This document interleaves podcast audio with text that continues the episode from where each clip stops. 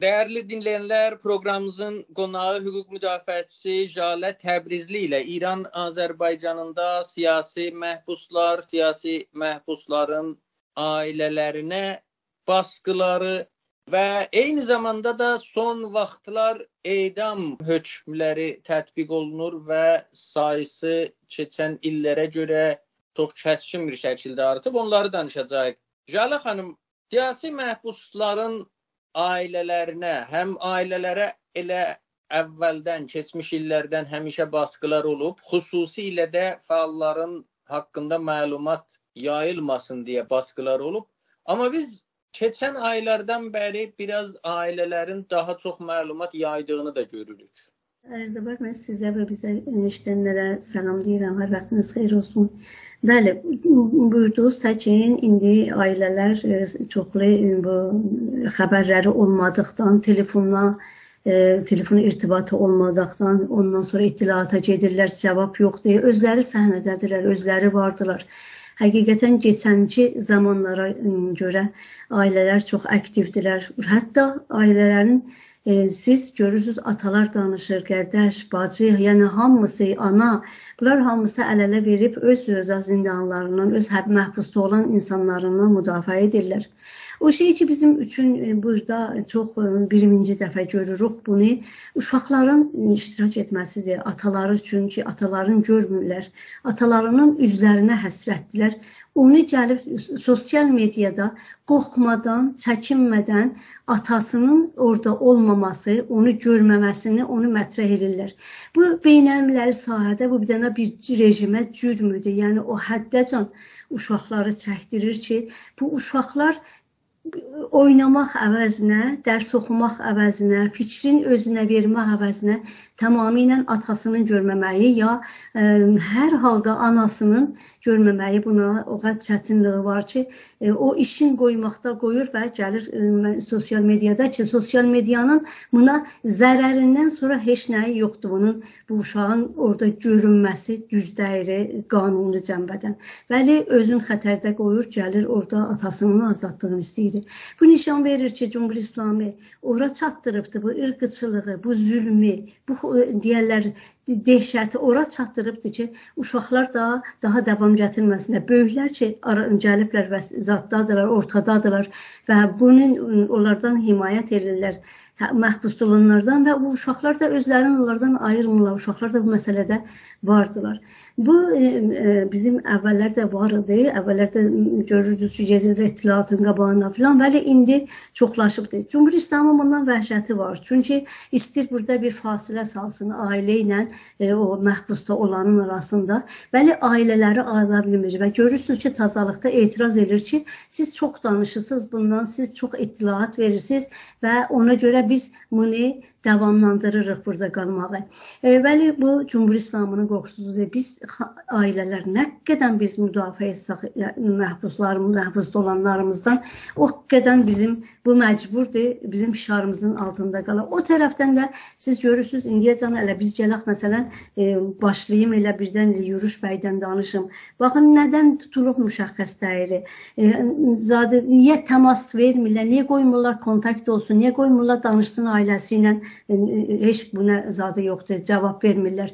Vəkili yoxdur ittilaatda qalıb biz bilmirik işgəncə olur, gündə nəcür olur. Bundan e, etiraf alırlar, zorakı etiraflar alırlar, yəni nə edirlər?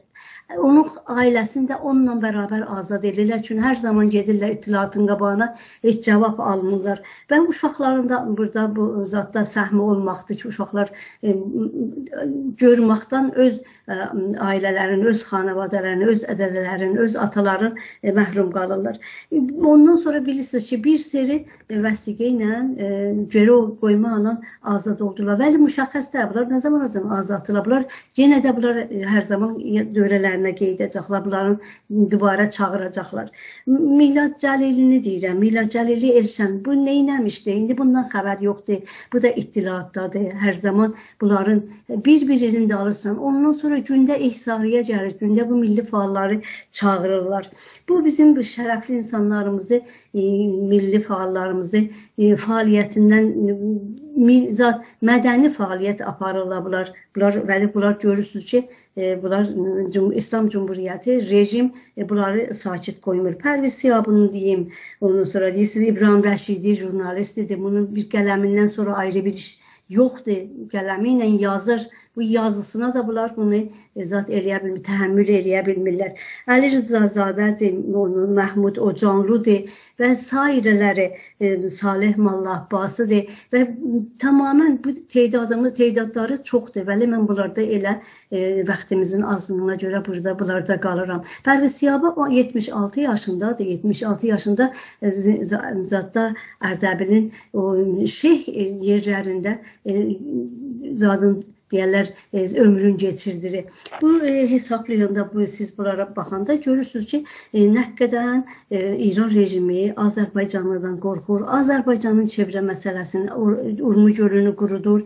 Qərəqışlağa bir siz bir baxın. Qərəqışlaqda nə nədir? Cəmaət istəmirdi havası orada orada e, aşsın, yerin aşsın, kərxanasını aşsın. Çünki Mərağanı viran eləyiblər onlar. Mərağada əkinçilik aradan gedib, insanlar mərizçilikləri vardı, sərətan tutublar, xərçəngini xoşluğu tutublar. Bu indi həmanı istəyirlər orada açsınlar. O qalıb bulan suda ki var quyularda, bir 10 dana da quyu vursunlar, oranın suyunu yap qutarsınlar. Onlarla necə rəftar elədilər? Onları apardılar məhbusda, həbsxanaya saldılar. Onların qadınları, uşaqları tutdular. Ondan sonra da bir təhdid elədilər ki, biz hörmətsizlik elərik xanımlarınıza, əgər siz sakit olmayasınız.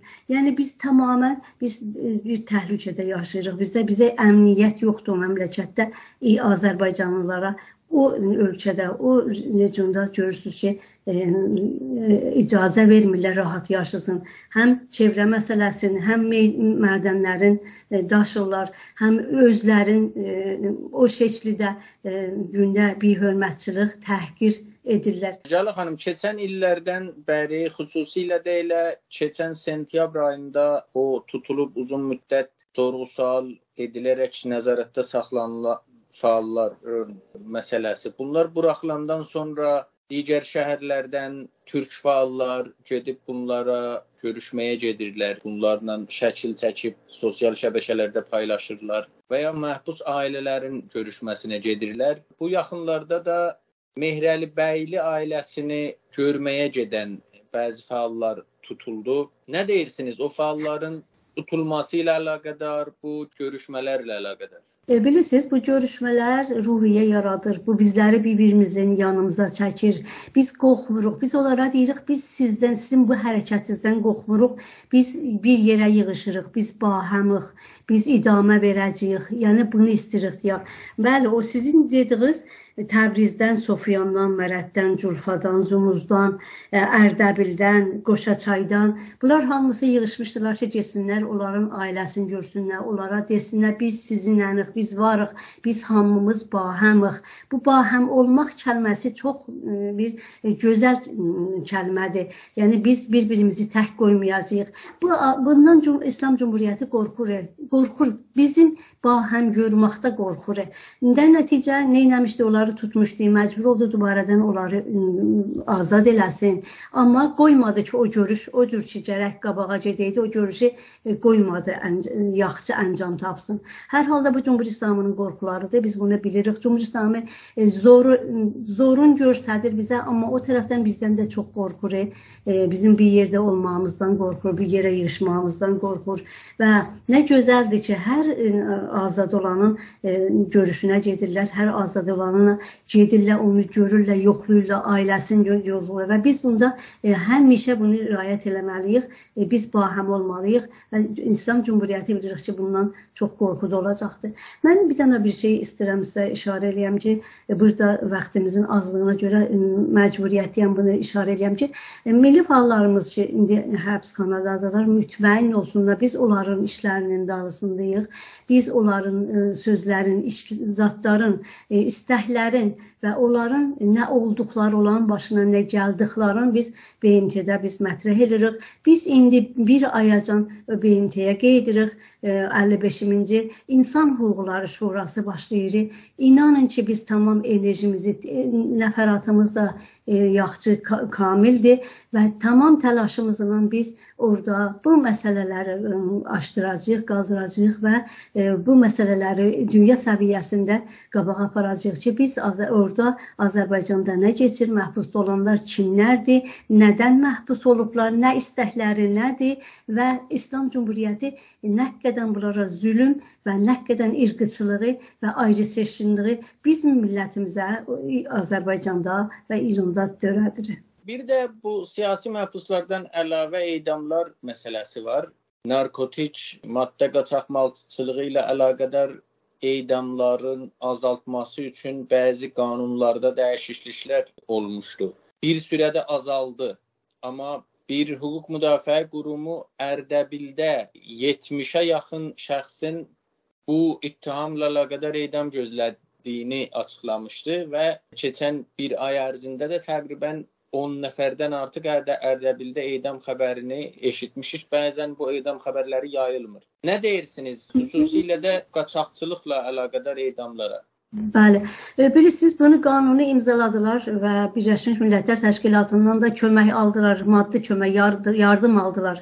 Ki bu yardımlarla biz orada bu qanun bunları kömək eləyəcəyik ki, bu məsələ e, narkotik məsələsi azalsın və e, biz edam da eləməyəcəyik. Amma o qanunu özü imzaladığı, özü yazdığı qanunu da qoydu ayağının altına. Yəni bunlarda həmişə bu cürdə tamam qanunları belə eləyiblər. Hə görürsüz ki, özlərinin yazdıqlarını da icra eləmirlər.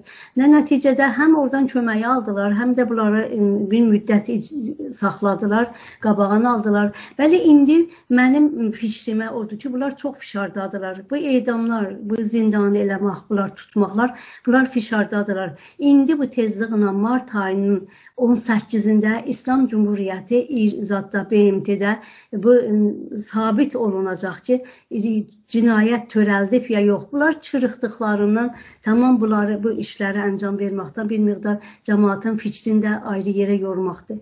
Bəli, bu edamlar əncam tapıbdı. Qəzvində də olubdu, Zəncanda da olubdu.